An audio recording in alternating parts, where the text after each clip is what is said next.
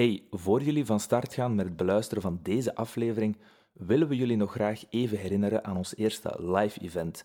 Dat zal doorgaan op 16 april 2022 in Fabriek in Sint-Niklaas.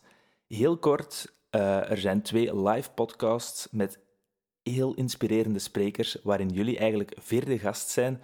Dus jullie mogen mee in interactie gaan, discussiëren. Uh, jullie zijn echt mee vierde gast aan de tafel. En jullie krijgen daarbij ook nog de kans om te netwerken met mensen uit het werkveld. Eten en drinken zal er genoeg zijn.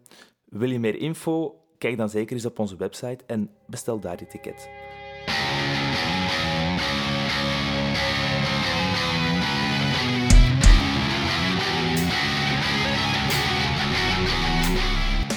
Welkom bij Area 45, de podcast over logopedie.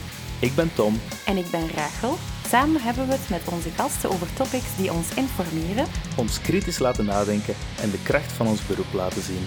Het doel is duidelijk: hulpverleners binnen en buiten ons werkveld met elkaar verbinden. Welkom bij Area 45. Hey, dag Tom. Dag Rachel. Vandaag een, uh, een onderwerp dat nog niet aan bod is gekomen nee. bij ons. Nee, en ik denk dat er wel al een paar op zaten te wachten. Hè? Want uiteindelijk, leerstoornissen is nog een heel groot onderdeel van ons, uh, van ons vakgebied. Ja, dat was echt wel het ehm, merendeel dat in de opleiding aan bod kwam. Ja, maar ik ben blij dat we de andere dingen eerst gedaan hebben. Dat we Ja. nu nog een keer naar de, Klopt. naar dyscalculie kunnen gaan. Hè? Ja, het is dus inderdaad dyscalculie. Ehm, wa- Ja. Welke ervaring heb jij daarmee? Want je hebt dat wel een tijd behandeld. Ja, hè? ja, ja. Ik heb er nog een paar. Ik heb nog een paar cliënten die bij mij komen ehm, en die dat dyscalculie hebben.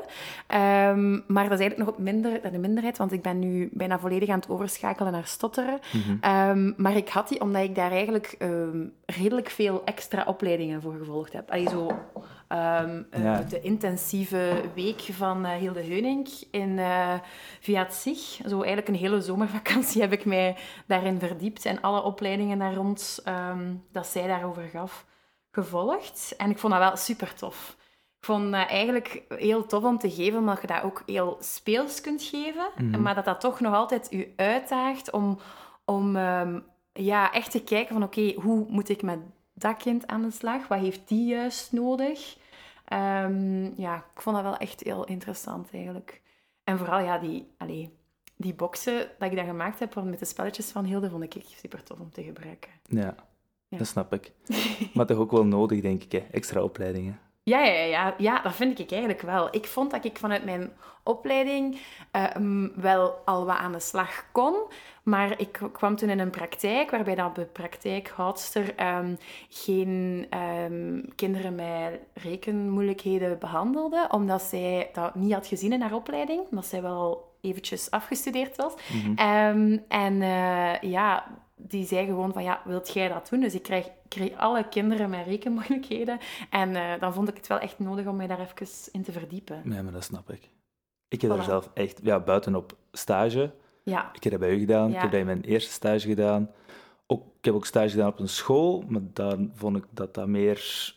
Vond ik dat niet echt therapie er rond. nee, Ehm, is dat dan minder therapie. Maar ik hè? vond, op, ik vond echt met eh, hetgeen dat je op school zit, oké, dat is een, een mooie basis, maar je moet dat je echt heel hard eigen maken. Want Ja. ik had echt constant het gevoel dat ik gewoon bijles aan het geven was aan die kinderen. En dat is het niet, hè? Nee. Ik dat, de- Nee, nee, nee, zeker dat niet. wel gaat vertellen, dat dat zeker geen Zeker niet. is. Ja.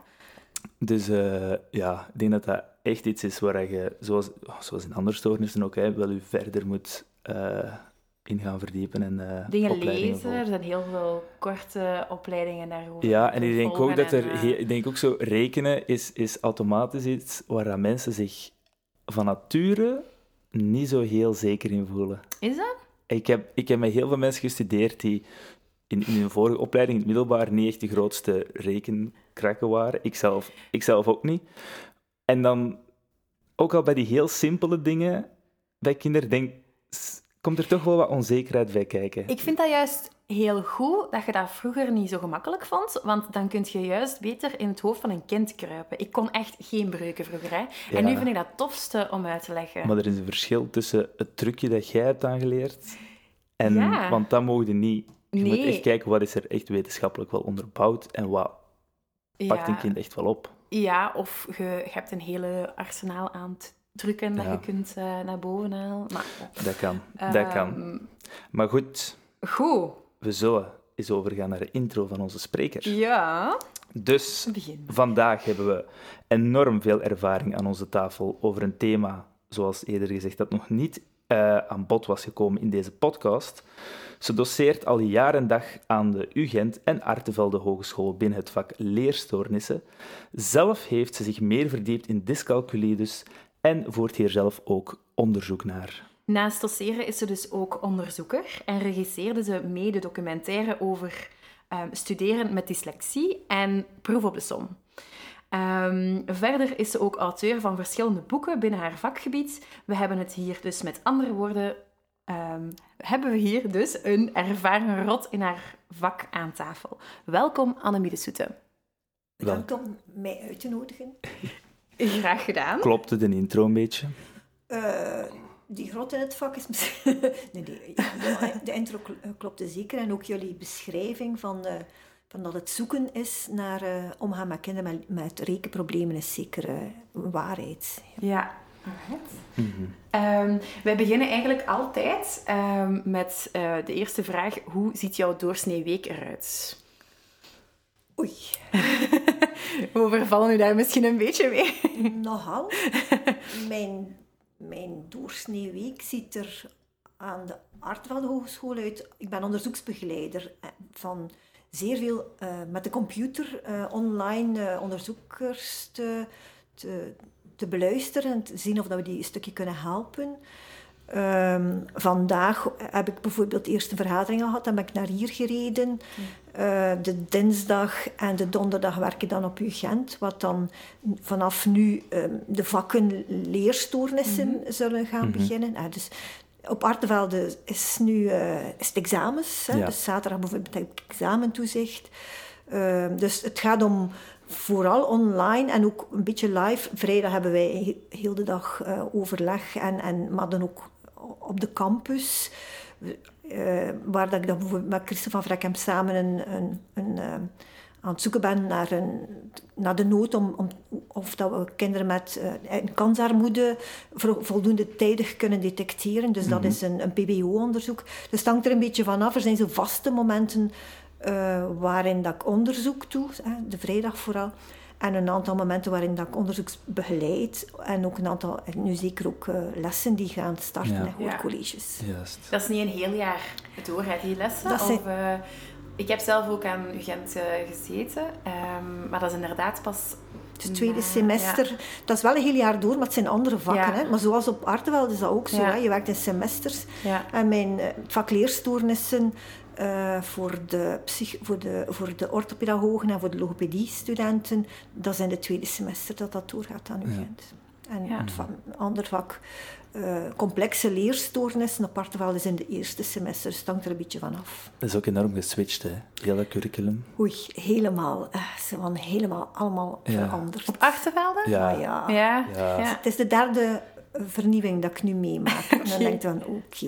En op uw wel- is het nog altijd hetzelfde als, als... Ja, ik weet niet, wanneer heb ik les van u gehad? Ik denk eh, ongeveer... eh, in 2013. zal Wat dat heb je dat gedaan? Pedagogiek of zo? Nee, logo. Logo, Ja. ah. Oh nee, het is ook al veel... ver- De logo's krijgen nu samen eh, les met de orthopedagogen. Ja, bij ons was dat bij de, met de pedagogen. Ja. Ja, pedagogen en, en orthopedagogen. Ja. Nu is dat met de orthopedagogen. Volgend jaar zal daar ook een stukje... eh, de allee, een afdeling van de psychologie bij komen, neuro, Ah, ja. neuropsychologie. Ah, Eh, de inhoud is wel veranderd, de manier van werken is veranderd. Eh, maar ja, zoals eindelijk op de twee plaatsen... Ja, de tijd staat niet stil, hè. het is- zou ook raar zijn dat het niet verandert. Ehm, ook ja, hoorcolleges gecombineerd met practica, maar nu ook Ja. vooral online met zo... ook. Ik zit er ook wel misschien wel voor iets tussen dat dat curriculum in Artevelde veranderd Jij? is. Ja, want er was. Wat een, eh, wat een Nee, verantwoordelijkheid. Nee, nee. Een, een klein, omdat er was destijds zo, allee, werden er werkgroepen opgericht om Ja, ja. zo samen te zitten en zo alleen een keer te kijken. En dan, werd, dan weet ik nog dat ik wel zelf ook voorstellen heb gedaan om het wat anders te, aan te pakken. Ik weet nu niet Laten we dat... hopen dat ze naar u geluisterd hebben en we gaan ervan uit. En de goede dingen overgenomen hebben. Maar ik denk het wel. Dat is ook wel oké, hè. Want Ik denk dat dat ook wel nodig is Ja. soms. we kunnen iets maken en dan denken van, dat is goed. En als studenten dat gewoon eh, niet goed vinden, dan moeten we kijken van, kunnen we, daar, eh, kunnen we dat optimaliseren, hè. Ja, absoluut. Ik weet nog dat in mijn lessen van u, dat dat, dat, dat ook werd opgenomen. En dat we dat dus achteraf ook nog konden beluisteren. Dat is een van de enige lessen dat we dat dus... Ja, ik heb dat nog een tijdje gedaan, totdat er op de evaluatieformulieren stond dat opnames dat niet altijd helder waren. Dan was ik eigenlijk wel boos, dan heb ik het eindelijk niet meer gedaan. Nee, nee. Eh, ik vind dat belangrijk. Ik Ook, vond dat echt handig. ja, en nu eigenlijk met, met corona wordt dat altijd... Dus het wordt opgenomen en nadien kun je het beluisteren. Ah ja. Dat heeft ook wel rust, hè. Dat Ja, heeft- je moet niet schrijven, schrijven en kun, kun een stukje nadenken. Ja, ik denk dat dat nu wel al veel gebeurt. Hè. Zeker nu in de coronatijd. Is Dat was echt de enige, het enige vak Ja. waar dat mee gedaan Ja, dat is... Ja, ja, ja. We hebben ook een aantal eh, studenten met een, met een, die, die werken, hè, dus die dan niet konden aanwezig zijn, die konden dat dan nadien Ja, beluisteren. Dus Ja. pff, ja, ik Klopt. vond dat wel, dat wel oké. Ja, ik vond dat meerwaarde. Zeg, en hoe, hoe zet je er eigenlijk zelf ingerold? In, in zo dat leerstoornis? Was dat zo vroeger eh, als student al een interesse van u? Of hoe is dat er ingekomen? Oh, helemaal niet. Allee, ik vind altijd... Ik, ik, eh, ik heb eh, negen uur wiskunde gedaan in de tijd. Dus ja, ik ben wel Zalig. met wiskunde bezig Mhm. geweest. Dus ik heb WA, dat bestaat nu niet meer. Dat is ook goed, hè. negen uur wiskunde is veel te... Voor wat Veel stond dat? WA. Wetenschappelijke A, dus dat betekende eigenlijk Ah. bijna geen fysica en geen, geen andere vakken. Dus ja, nog, allee, en bijna geen chemie, maar negen uur wiskunde, twee uur meetkundig tekenen, gigantisch, te veel. Wauw. Bij ons Maar- was dat ofwel zeven ofwel vijf. Ja, dat is meer eh, dan Het voldoende. gemeenschapsonderwijs. Ja. Dat is echt wel meer dan Dus wiskunde was wel iets wat, dat mij, wat dat mij boeide, maar ik was niet met leerstoornissen bezig. Maar ik, ben, eh, ik gaf les aan de Artevelde Hogeschool. En ik gaf dan les in, in de kine. En dan moest je plots gedoctoreerd zijn om te mogen blijven lesgeven. Ah, dus het werd ja. vijf, vijf jaar en moest je een doctoraat gaan halen. Ja, ik had dat niet. Ik was eh, master, hè, dus allee, licentiaat eigenlijk nog in de Ja. master. En toen dacht ik, ja, wat moet ik nu weer ander werk gaan zoeken? En toen kende ik een prof die zei, die, eh, aan, aan de universiteit en die eh, zei, ah, wel, doctoreert bij mij. Ik, ik, ik, eh, ik ga leerstoornissen doen, dus kies maar één. Dus ik kon niet voor dyslexie, dyscalculie. Dus op, Maakt niet uit. Hè. en dan ben ik daar... eh, op, op een week had ik en een promotor en een onderwerp. En ben ik dan met dyscalculie begonnen. Dat is denk ik een beetje toeval. Maar nu vind ik het super interessant. Dus ik zou dat... Allee, dat was de beste quiz dat ik Ja, oké. Maar eh, weet je nog waar dat over ging dan, je doctoraat? Over metacognitie, over Ah, ja. denken over uw denken. Dus we hebben zo'n aantal Right. kinderen eh sommetjes laten maken. En dan moesten ze zeggen van... ehm, welke sommetjes zijn moeilijk en welke niet. En welke denken dat ik juist opgelost heb en welke dat ik niet juist opgelost heb. Om dan, en dan zag je dat de helft van de kinderen met dyscalculie niet alleen dyscalculie hadden, maar ook niet wisten wat dat ze goed in waren en niet goed in waren. Waar, wat, hoeveel punten zou je hebben? Dat, dat, dat leek daar niet op. En dan kon je daar een stukje op werken, want intelligentie staat vast, maar metacognitie dat kun je aanleren. En dat moet je bij een aantal kinderen aanleren. Dat is net de manier om dan eigenlijk daarmee om te gaan. Dus dat was mijn... En dat ging dan over dyscalculie en over metacognitie. Maar dat is echt Oké. boeiend, want ik denk dat dat iets is dat wij in de therapie misschien te weinig ook een plaats geven. Hoe kun je dat, hoe kun je dat dan in de therapie een plaats geven, metacognitie? Door eh, niet alleen sommetjes op te lossen, maar bijvoorbeeld te zeggen van, kijk, we hebben er nu tien opgelost, geef jezelf een keer punten. En dan te kijken van, klopt dat? Of van, je mag ze nu niet oplossen, dan, dan kijken kinderen, wacht, zegt de tien nu, bedoel ik, moet een blad met sommen, ik mag ze niet oplossen. Je moet nu gewoon zeggen welke dat je denkt dat je gaat juist eh, doen en welke niet. En dan laat je ze oplossen en dan kijk je, oeh, waarom dacht jij nu dat dat fout ging zijn? Ja. Of dat je dat niet zou kunnen. Ja. En die, en je dacht dat je dat wel ging kunnen, maar het is niet juist. Dus door ze bewust te laten kijken naar sommen en naar oefeningen eh, en daarover te reflecteren en dat samen met hen te doen. Maar dat is echt iets... Allee, ik heb zo dus nog een paar cliënten voor, eh, die komen voor rekenen. En dat is als die ouder zijn, beginnen die dat wel echt te leren. Hè? Want dan, dan komen die ook bij u en dan zeg ik van... Oké, wat vind je nu echt moeilijk? Waar wilt jij aan werken? En ze, ze weten ook dat ik bijna altijd vraag... Dus ze moeten in de klas dan ook zitten van, ah ja, oké, dat vind ik moeilijk, dus dat ga ik aan Rachel vragen. Dus dat is zo... Ja, dat is waar. Ik bedoel, ik, mijn, mijn, allee, mijn doctoraat ging over tweede, derde, vierde leerjaar. Ja. En dan zag je dat kindje in het tweede leerjaar zei van, Ja. wat zegt, wat, waar ben je mee bezig, welke vragen? En dan zag je in het derde leerjaar die dat plots konden op antwoorden. Dat ze Ja. ook de taal hadden om te reflecteren.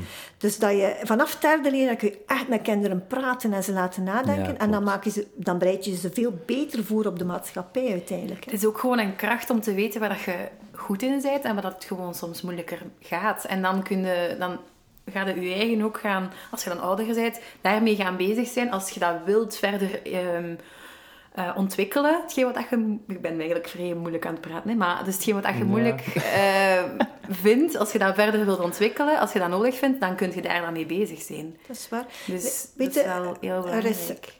In die documentaire die we gemaakt hebben, eh, is er een ingenieur die zegt: Ik heb de strijd met het hoofdrekenen opgegeven. Mhm.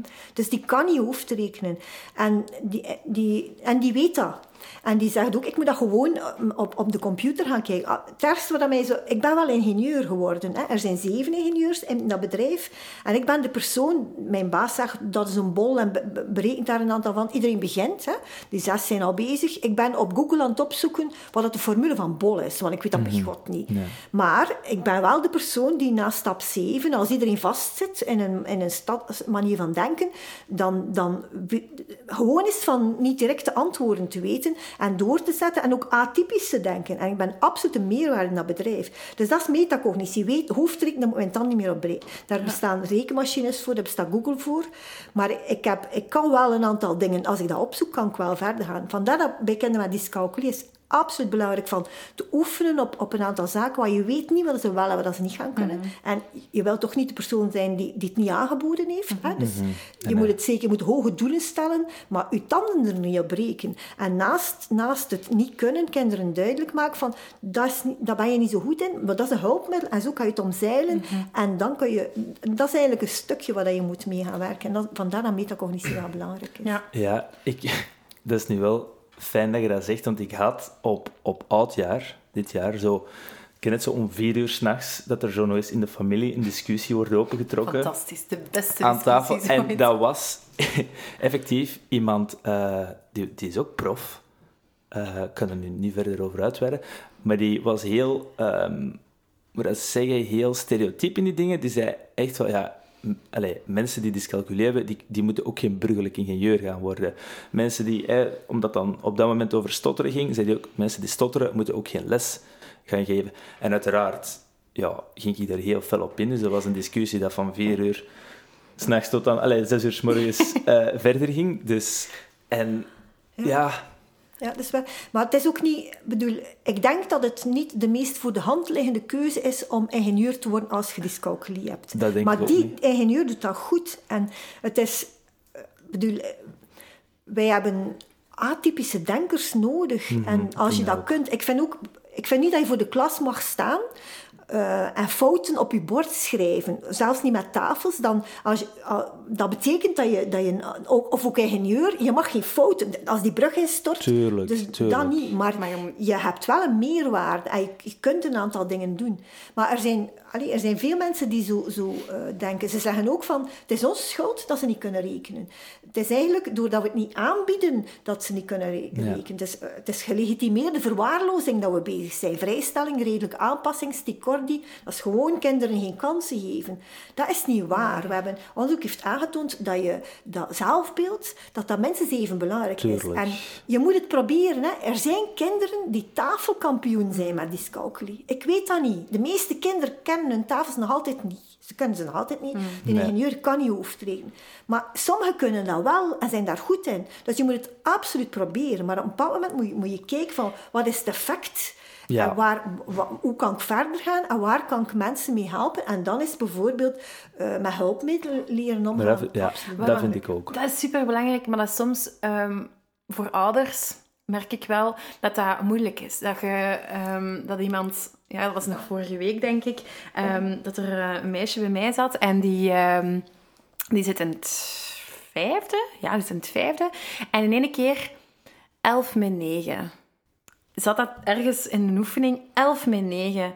En die, die keek naar mij en die zei, ik weet het niet. En die papa zat zo naar, naar mij te kijken. En een jaar geleden zou die echt zo, allee, wat zegt jij nu? Jij kunt dat wel. En nu keek hij naar mij en die knikte zo van, ja, kijk, dat is... Dat is de reactie die En hij heeft het wel nog Ja. moeilijk met dat ze een tafelkaart moet gebruiken. En elke keer, ja, maar de tafels gaan toch al wat beter, hè? En dan denk ik, ja, Mhm. misschien van de week, maar volgende week gaat het misschien moeilijker zijn. Maar ja, allee, dat is zo... Die ouders, die, die hebben nog altijd de hoop dat ze dat toch nog gaan kunnen. Het gaat om, om een automatiseerprobleem. Hè. Dus be- bepaalde zaken zitten niet in dat lange termijn geheugen. Het zit er wel in, maar we, je, je kunt er de juiste dingen niet uithalen. Hè. 11 met 9, men gaat daar maar het juiste antwoord, maar ook één te veel, één te weinig uithalen. En eh, dyscalculie is een probleem van het onderdrukken van irrelevante associaties. Dus ah, de kinderen gaan moeten redeneren, 11 met 9, hè, en, terwijl dat wij dat direct weten. En zij gaan moeten uitrekenen en, en, en daar meer tijd voor krijgen. Hè. Terwijl, ik, ik herinner mij een student die, die aan Artwell Hogeschool wilde beginnen, logopedie. En in die tijd deden we nog een, een test, rekentest namen we nog af. Doen Ja. dat nu niet meer.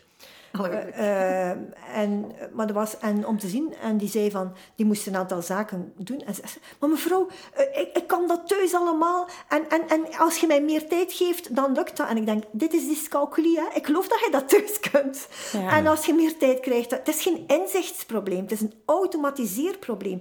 Je moet zoveel tijd steken in iets, dat je geen tijd niet meer over hebt voor de rest. En dat je het alleen maar kunt door, door na te denken. En daar moeten we tijd voor geven. Ik leg dat meestal uit aan, aan mensen als, als volgt. hè. Ik ben naar hier gereden, ik had mijn GPS op, ik had, ook nog, de- ik had niet gegeten, dus ik heb ondertussen wat gegeten. Onder, ik heb naar de radio geluisterd en ik heb een aantal zaken terzelfde tijd gedaan. Wel, met dyscalculie kun je maar één ding terzelfde tijd doen, want de rest is niet geautomatiseerd. Je gaat kunnen rijden naar daar, maar dat is ook het enige. Ja, niet gegeten hebben, niet naar de radio kunnen luisteren. Nee. Dus het vraagt energie, 11 met 9, daar moet je over nadenken. Ook, al ben, ook al zij de volwassen. Hè. Ik had een, een, een student die eh orthopedagogiek gedaan heeft, master geworden is met dyslexie dyscalculie. En die zegt, van, ik ben afgestudeerd hè, en eh, ik ben met mijn vriend, mijn vriend gaan samenwonen.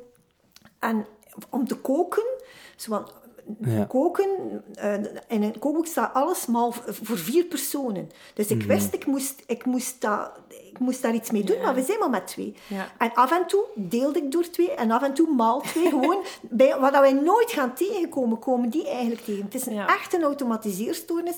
Iets dat anders verloopt in de hersenen dan bij andere mensen, waar je rekening moet mee houden. Maar dan weten, het, ze zeggen ook van... Ik ben nu eh, direct, allee, directiefunctie van... Ik snap niet dat mensen dat zo rap opgeven. Ik bedoel, Iedereen, vanaf mensen dat je, dat, dat, je, dat je tegenkomt, die geven op. Ik, ik heb wel altijd moeten harder werken. Dus ik, ik ben iemand die doorzet. Dus dat hebben we toch ook wel nodig in onze maatschappij. eigenlijk. Zeg, omdat je nu daarnet zei, het is iets anders in de hersenen. Wel- Welke dingen zijn er effectief op neurologisch vlak aangetoond? Op groepsniveau, hè, dus hebben we aangetoond dat er zwakkere activiteit zijn in heel het neurale netwerk. Dus in alles. Hè. Men heeft ook aangetoond dat er kleinere hoeveelheid grijze stof is. eh, en, en vooral in de parietale eh, delen van uw hersenen. En dat de banen door de stralen, de witte verbindingsbanen tussen het netwerk, minder goed gaat. Hè. Dat is dan die myelinisatie. Ja, dat is min- minder goed, eh, minder goed fu- eh, functionerend. En we zien ook atypische activiteiten in eh, de gebieden die verantwoordelijk zijn voor het begrijpen van aantallen en hoeveelheden. Dus uw linker en uw rechter parietale sulcus. Maar dat is op groepsniveau. Ja. Je kunt, als ik twintig kinderen met dyscalculie neem en twintig zonder, en ik, steek, en ik ga dat onderzoeken, ik ga dat significante verschillen vinden. Maar die ene persoon die kan ik niet detecteren, omdat er veel meer verschil is tussen mens, de hersenen van mensen met Tuurlijk. dan de mensen, hersenen van mensen zonder dyscalculie. Dus op, maar op groepsniveau, dat is echt ook wel robuust. Hè. Neem nu dat je autisme zo in de ander, dan ga je veel grotere groepen moeten hebben. Dus het, is- het zijn robuuste, duidelijke, aangetoonde gegevens, maar op groepsniveau, op individu-niveau eh, vinden we dat niet. Oké. En er is ook een genetische factor. Absoluut. Hè. Ja. We zien dat de prevalentie van dyscalculie is ongeveer 5 Hè. Maar als je in de familie broers of zussen hebt met dyslexie of dyscalculie, dan is, en familieleden, dan is dat 50 Hè. Dus dat is absoluut een genetische factor. We weten ook een aantal ehm, SNPs die verantwoordelijk zijn daarvoor. Maar ook dat, hè. dus we, we weten een aantal zaken die genetisch verantwoordelijk zijn, maar dat is verantwoordelijk voor variatie en, en, eh, en rekenen. Zo vreemd, hè? We zien, als we kinderen met dyscalculie hebben, zien we vaak dat ze ouders hebben met, met dyscalculie of dyslexie, maar we zien ook vaak dat ze ouders hebben die net master in de fysica of in de, in de wiskunde Ja, zijn. Dus, Dus die, atyp, dus die ja. ook atypisch zijn, maar dan het andere spectrum. Ja. Dus, ehm, Ah ja, oké. En dat is dan zeer moeilijk voor Ja. hen. Ik bedoel, dat je dan een kind hebt Ja. die dyscalculie heeft, terwijl jij net supergoed bent in dyscalculie. Ja. Dat komt echt super vaak voor. Het is echt variatie in rekenen die doorgegeven wordt. Ja. Zeg, en hoe, hoe belangrijk is die term eigenlijk voor dat kind zelf, dyscalculie? Want ik, ik heb zo eh, eh, een paar maanden op een school gewerkt als zorgleerkracht en daar werd er ook... Ik merk dat er heel veel gelabeld werd, gelijk dat, dat, dat zorgfiche Mhm. eh, van die kinderen, dat stond vol met ADHD. Dit, Omdat ze dit, dan dit, vaak dit. ook wel daar de juiste hulp voor kunnen Ja, inschakelen op het moment dat er een maar- term wordt opgeplakt. Maar, dat is Maar wordt weer- er genoeg gedacht welk effect dat, dat heeft op, Mhm. de, op de emotionele ontwikkeling en zo van een kind? Als, als je, Ja, maar, wat maar is het voordeel van die term? Dat je weet wat je, dat je hebt. Ja. Heel veel kinderen zeggen, ah, ik ben niet dom. Ik ben niet lui. Ik heb, ze hebben mij altijd gezegd dat ik lui ben. Ik ben niet lui. Mijn, hen- mijn hersenen werken anders. Het is een verklaring. Mhm. Ja. Als ik iets mankeer, dan wil ik dat men dat probeert te verstaan. Ja. En als je dan kunt Ja. zeggen van, in jouw hoofd werkt er iets anders Mhm. dan bij andere kinderen, waardoor dat trager gaat. Weet je, sommige kinderen hè, zien hun broers en zussen eh, oefeningen maken waar dat zij niet... Ze zijn twee jaar ouder Ja. en ze kunnen die niet oplossen. Hoe erg Mhm. is dat? En als je dan een, een labeltje hebt, maar dat goed uitlegt... Dat van- we, voilà. dat toch uitlegt van dat is bij jou. En, je- en, en ook rolmodellen. We zijn nu een aantal eh, eh, bachelorproeven aan het maken rond Wall, Wall of Fame. Ik, ik wil rolmodellen verzamelen. Ja. Wall of Fame, dyslexie, dyscalculie. Ja. Dat je daar eigenlijk mee eh, sterke dingen kunt doen. Voilà. En, en, Ja. en dat, dat, maar dat je... Bepaalde dingen gaan altijd lastiger zijn voor jou. En andere dingen ga, ga je dan beter in zijn. Van, ja, eh, wij, allee, de meeste kinderen hebben echt wel baat bij juiste labels. Hè. Ja. Je kunt zo zeggen, dat is zo'n discussie. Hè. Moet, moet je label geven? Ja, bedoel, je kunt zo zeggen, borstkanker, geen label, het is opgelost. Ja, ik wil dat label wel hebben. Ik wil Ja, dat ja, wel weten. Maar bij dyscalculie is dat een beetje hetzelfde. Je legt uit van, jij bent niet dom. Je, je bent niet lui. Jij, bij, bij jou is er iets in jouw hersenen die anders lopen en daar ga je moeten le- leren mee omgaan. Maar je kunt daar sterk mee worden, want er zijn andere mensen die dat ook gedaan hebben. En dat vind ik dan belangrijk. Ja, Dat maar is echt super belangrijk dat we daar hem dan plaats geven in de therapie. tuurlijk, als dat goed wordt uitgelegd als dat goed aan het kind. Maar ook aan de ouders. Want de ouders de kunnen ook vaak ogen trekken van... Ja, ja, ja. Oh, en ik heb inderdaad, je zei een master in de fysica. Of die papa dat bij u nog ogen trekt als dat kind Ja, en Ouders dan moeten dan weer- ook maar ik heb dus ook al, worden Ja, ik heb dus ook al een cliëntje gehad en die, ehm, die haar mama zat dus... Ook al was die al wat ouder, die mama zat daar gewoon altijd ook bij. En ehm, we waren dingen aan het, aan het doen en zij zo... Maar eigenlijk vind ik dat zelf ook nog heel moeilijk. Ik weet dat ik vroeger, en nu ook nog altijd, heel veel problemen had met rekenen. En, maar ik wou heel graag verpleegster worden. Maar ja, daar moet je ook wel kunnen rekenen. Je moet dingen kunnen... ehm, Maar in welk beroep zijn er, komen ja, er maar geen wel cijfers heel belangrijk om een infuus Ja. juist... Ja, maar even goed. Allee, ja. In welk beroep Ja, komen er ja, cijfers ja, aan maar dus dat, is wel, dat gaat over... Allee, dat is echt op een, over een levensbelang dat dat, Ja. dat gaat. Ehm, en zij is eigenlijk een heel mooi rolmodel voor haar dochter omdat zij zo hard heeft doorgezet om het toch te kunnen, omdat ze dat... Ja, die heeft echt... Die laat nu nog altijd haar berekeningen lezen aan Mhm. haar collega's voordat ze iets gaat doen. En dat vind ik wel echt heel straf. Dat noemen ze psycho-educatie. Ja. Je moet Ja. uitleggen aan je kind, uw, uw ouders, maar ook de leerkracht wat er aan de hand is. En wat dat je- hoe dat je er dan mee kunt Ja. omgaan. Dat is heel belangrijk. Maar soms willen kinderen... Ze, hebben- ze moeten ook... Allee, het beste wat dat iets kan... Kinderen een spreekbeurt laten geven voor hun, leer, voor hun, voor hun klasgenootjes. Waarom krijgen zij meer tijd? Ja. En, en de anderen niet. Leg dat maar uit. Hè. Hoe on- dat is oneerlijk. Nee, Ja. dat is niet oneerlijk. Want we zeggen toch ook niet, we geven allemaal gelijke toetsen. Iedereen zijn bril af, gelijk. Hè. Steunzolen uit, bril af, we doen toetsen, hè. iedereen gelijk. Nee, het gaat om gelijkwaardigheid, het gaat om gelijke kansen. Maar dat kunnen uitleggen door kinderen aan, Ja. aan hun mede. Dus zeker ook aan ouders En- en, en, Je hebt- klasgenoten. Is daarom ook, of was dat ook de insteek waarom dat je dat boek hebt geschreven dan? Van, ehm, hoe heet het, slagen met eh dyscalculie in het hoger onderwijs? Ehm, dat was zeker de, daar wilden we de waarde van diversiteit uh, aangeven. Maar de insteek was ook vooral, er bestaat zo'n boekje slagen met dyslexie in het hoger onderwijs. En ik dacht, ja zeg, waarom alleen maar dyslexie? Dus dyscalculie was, dat was eigenlijk de start. Dat ik dacht, we gaan hetzelfde maken. Maar dit boek is er gekomen naar aanleiding van een, van een project samen met Stad Gent. Hè. Inclusie in 4D, waarin dat we uh, mensen bevraagd hebben uh, naar de impact van, van, van dyscalculie en dyslexie uh, op hun leven. En waarin dat we getuigenissen verzameld hebben. En dan hoorde je... En we, we hoorden bijvoorbeeld zeer veel volwassenen ehm, die, die dan zeiden van, ik, ik vind geen werk. Hè. Men heeft redelijke aanpassingen wel, wel toegepast in het hoger onderwijs. Maar, maar bijvoorbeeld, ik moet dan een, een toets doen voor de VDAB. Ik, moet, ik weet niet waarop sommetjes maar ik kan dat wel niet. En zou mm daar dan geen rekening mee mee. Ik moet een ingangsexamen doen voor de post. Ik slag niet voor zo'n dwaze, dwaze sommen. Terwijl dat ik echt wel een goed... Allee, dus op de, arm, de, de, de, sollicitatieprocedures zijn nog niet eerlijk. En dan wilden we daar een stukje... We wilden eigenlijk werkgevers en zo recruiters uh, aantonen van dat zij, ik weet niet veel, potentieel missen. Hè, mhm. mensen die doorzetten, atypisch denken, doordat ze de poort zo eng maken en hoofdrekenen en, en, en snel, snel foutloos schrijven uh, belangrijk vinden. Want bij dyscalculie heb je nog een ander probleem. De helft van de mensen met dyscalculie heeft ook spellingsproblemen. Hè? Dus dat is ongeveer in dezelfde zone van je hersenen. Dus ze mhm. schrijven ook niet foutloos. Dus als je dan een examen moet maken en je maakt, je maakt spellingsfout en ze houden daar geen rekening mee, ze weten niet waarom dat je spellingsfout mhm. maakt, dan, dan mist de mensen die die doorzetters zijn, die, die atypisch denken en die je echt nodig hebt in je bedrijf. Dat was de reden van. Heb je daar uh, respons op gehad? Van echt mensen die zeiden van, ah ja, aan de hand van dat boek heb ik dat misschien ook wel kunnen uitleggen aan degene waar ik bij ga uh, solliciteren? Of mensen die daar echt wel kracht uit hebben? Well, één, één iemand heeft echt meegewerkt en die, die heeft bijvoorbeeld vier uh, masterdiploma's gehaald.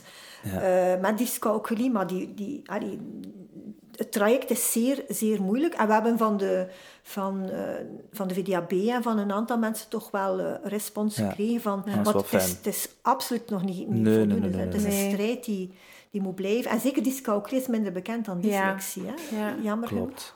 Wij denken dat hij in veel stoornissen nog, ja. nog zo Maar ja, hoe komt dat? Ik bedoel, de prevalentie van dyscalculie is in Vlaanderen 5%, dyslexie ook ongeveer, maar in hmm. Engeland is de prevalentie van dyslexie 20% ongeveer, hè, omdat het taalafhankelijk is. A cat came, hè, dus iedere keer aan. Dus als je 20% van je mensen hebt met dyslexie, dan is dat veel meer onderzoek rond, is veel meer bekend, terwijl dat in andere landen dat dan eigenlijk minder bekend is. Dat is de reden, volgens mij, dat hmm. het, dat het minder bekend is. Ja. Je hebt ook niet alleen maar dat boek geschreven, maar je hebt ook meegewerkt aan die documentaires. Hè? Um, kunt je daar iets meer over vertellen? Dat was uh, de Artevelde Hogeschool die probeerde uh, een, in kaart te brengen van dat je toch wel succesvol kunt zijn met dyscalculie. En dan hebben ze aan mij... Ik heb meegewerkt aan een documentaire over dyslexie en over dyscalculie. Mm Aan mij gevraagd, en een collega ook, Margaret mm -hmm. voor dyslexie, om het, het, theoretische stuk te, te duiden. Hè? Dus de definitie. En, en ja. Ik vond dat wel super belangrijk. Het was een van de eerste um, breed maatschappelijk toegankelijke documentaires uiteindelijk rond, rond uh, dyscalculie. Dus ik was daar wel blij voor. Ja, en kunnen we dat eigenlijk nog altijd ergens zien? Studeren met dyscalculie.be, denk ik. Ah, ja. Ik denk dat dat een, een, stukje nog wel online is, ook wel te koop. Maar ik denk dat, het, dat als je gewoon googelt, dat je er nog wel een aantal zaken vindt. Ik zal uh, dat een keer opzoeken en ook in de show notes zetten. Ja. Ik was daarnet aan het denken, omdat je zei, de, de helft van de mensen met dyscalculie hebben ook uh, spellingsproblemen, zei je. Zijn er nog zo... Um, ja, dan hebben we het over comorbiditeit. Welke allee, problematieken worden nog vaak, of komen nog vaak samen voor? Maar dat is het moeilijke van dyscalculie. Er is minder geïsoleerde dyscalculie dan, dan dyscalculie samen met iets anders. Hè. Mhm. dus, maar ik had daar pas al gezegd, de prevalentie van dyslexie uh, in Engelstalige gebieden 20% is. Vandaar dat de, de, de overlap met dyslexie ook verschilt. Maar de overlap met dyslexie, leesproblemen, varieert tussen de 17 en de 70 procent. Hè. Dus 17 en, maar omdat je in die Engelse gebieden ja. zo veel meer uh, zaken hebt. Maar vooral spellingsproblemen. Ongeveer de helft. Hè, was die, dat tussen de 26 en de 60 procent van de mensen ADHD hebben. Hoe komt dat? Weet jij? Dat dat, waarom is dat zo'n grote comorbiditeit? Ha, weet je, veel, veel vroeggeboorte leidt tot, tot hersenen die, niet zo, die, die, die minder ontwikkeld zijn. En dan zie je vaak, zie, zie veel, bij prematuren zie je heel veel uh, comorbiditeit. Uh, en we weten dat één, dat het niet zo één oorzaak dyscalculie is, maar dat je mhm. verschillende oorzaken hebt die kunnen tot dyscalculie leiden, maar diezelfde oorzaak leidt dan ook tot ADHD of tot DCD. Hè? Dus vandaar dat je ja. dat multicausaliteit uiteindelijk is. En dan wat je nog hebt, is een vierde van de mensen die DCD heeft. Hè? Dus developmental coordination disorder, die, die, wat dat is ook veel, hè? Eén op de uh, een vierde. Ja dus dat, dat, zijn dan mensen die dan problemen hebben met... met, met denk, als je daar de, de, de tempotest of tempotest automatiseren van afneemt, hoe valide is uw, is uw antwoord? Hè? Want ze hebben uh, schrijfproblemen uh, en ze zouden het wel kunnen... Je meet dan zogezegd rekenfeiten, maar eigenlijk meet je ook een stukje tempo. Hè? Dus vandaar dat het toch wel belangrijk is om die comorbiditeit mee in rekening te nemen. Ja. Mhm. Oké, maar ja, eigenlijk op vlak van terugbetaling moesten wij vroeger, hè, nu is dat al onlangs veranderd, ook aantonen dat er geen ADHD... Allee, we moesten dan zeggen dat er geen ADHD was. En als er ADHD was, kreeg je geen terugbetaling. Mhm. ja, en dus terwijl wat dat eigenlijk, die cijfers... Nee, nee, En zeker bij dyscalculie zie je vooral ADD, dus de, de inattentieve. Dus kinderen zijn niet zo, niet zo druk en impulsief, maar wel zeer weinig aandachtig. En dat komt zeer vaak voor, samen voor. Dus moet je wel... En het, weet je wat het nadeel is van comorbiditeit, behalve dat je twee, twee diagnoses hebt? Dat vaak de tweede diagnose niet, niet, niet, uh, niet gezien wordt. Men heeft mhm. al een labelke. Hè? Ja. Men denkt het is ADHD. Ja, ja, maar je kunt wel ADHD en dyscalculie mm hebben. Ja, en door die ADHD kan je niet opletten in de klas. Of door de ADD kun je niet opletten in de klas. Dus heb je moeilijkheden met rekenen. Zo denken ze dan, maar eigenlijk... Terwijl dat wel veel anders, andere zaken zijn. En dyslexie, hetzelfde verhaal. Ja, als wij onderzoek doen, mensen zoeken rond met dyscalculie. Veel mensen verwarren dyslexie, dyscalculie. Mm Dat is soms... soms maar je ziet ook heel veel mensen die zeggen, ik heb dyslexie, maar eigenlijk hebben ze ook dyscalculie. Want, want het klok lezen, de tafels kennen ze ook niet, maar ze hebben al een label en ze zoeken niet meer verder. Ja, ja, tuurlijk. En, dus de comorbiditeit is vaak uh, iets waardoor dat anderstoornissen later uh, gedetecteerd worden, terwijl dat ze wel het, het, beeld vermoeilijken, hè? Ja. complexer maken. Maar als je dus, bijvoorbeeld een kind hebt dat ADHD heeft of ADD heeft en die heeft het moeilijk met um, ja, de aandacht vasthouden in de klas. Um, hoe kun je dan het onderscheid maken tussen dat hij um, eigenlijk onvoldoende de leerstof heeft gekregen, doordat hij moeilijker kan opletten, en dat hij eigenlijk dyscalculie heeft? En hoe kun je dat dan eigenlijk ja, dat is het exclusiecriterium. In principe moet je, spreken we maar van dyscalculie als voldaan is. Je moet een ernstige probleem hebben, dus beneden percentiel 10. Mhm. Het moet hardnekkig zijn, dus na zes maanden uh, remediëren moet je nog altijd zijn. En er mogen geen andere verklaringen zijn. Maar bij kinderen met ADHD zie je bijvoorbeeld, als, als, het, als ze overal aan, uh, aandachtsproblemen hebben, ook, ook in woordenschat, uh, ook in, niet meer in de wiskunde dan in, in andere vakken, ja, dan, dan gaat het om ADHD. Mhm. Maar je hebt echt kinderen met ADHD die die tafels maar niet automatiseren. Veel kinderen met ADHD kunnen goed tafels. Hè. Ze automatiseren dat wel, terwijl bij kinderen, sommige kinderen eh, kunnen ze dat maar niet automatiseren. En dan heeft dat... En terwijl de andere zaken dat wel uh, lukken, dan kun je wel spreken van... van uh, van dyscalculie en simultane comorbiditeit van ADHD. Maar het is moeilijk. Het is een, het is een klinisch oordeel. Je moet ervaring hebben met ADHD om het te doen. Er bestaat zo niet een, een, handleiding van dit zijn de, dit zijn de normen voor met uh, eh, ADHD en zonder uh, ADHD. Dat bestaat niet. Ik denk ook vooral in, in therapie zelf, als je een kind hebt met dyscalculie, dat ook ja, enorm, allez, dat het enorm moeilijk is om die aandacht er, er, erbij te houden, lijkt mij ook wel moeilijk werken, toch? Je moet ook wel echt goed weten hoe dat je dat, je dat moet mee omgaan. Want vaak raakt als therapeut zelf al keihard...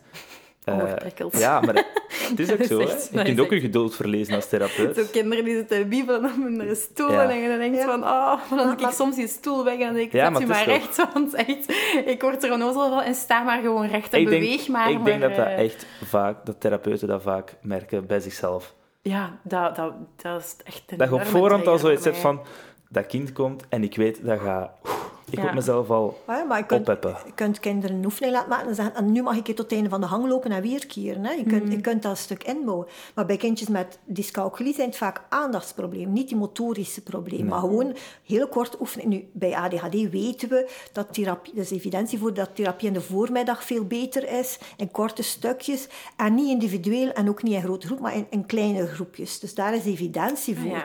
Dus in die zin, dat- is dat dan iets wat je weet, dat is, dat is de evidentie voor ADHD. En, maar bij kindjes met dyscalculie is dat, is dat minder. Hè. Die voormiddag of die namiddag, dat maakt voor hen niet uit.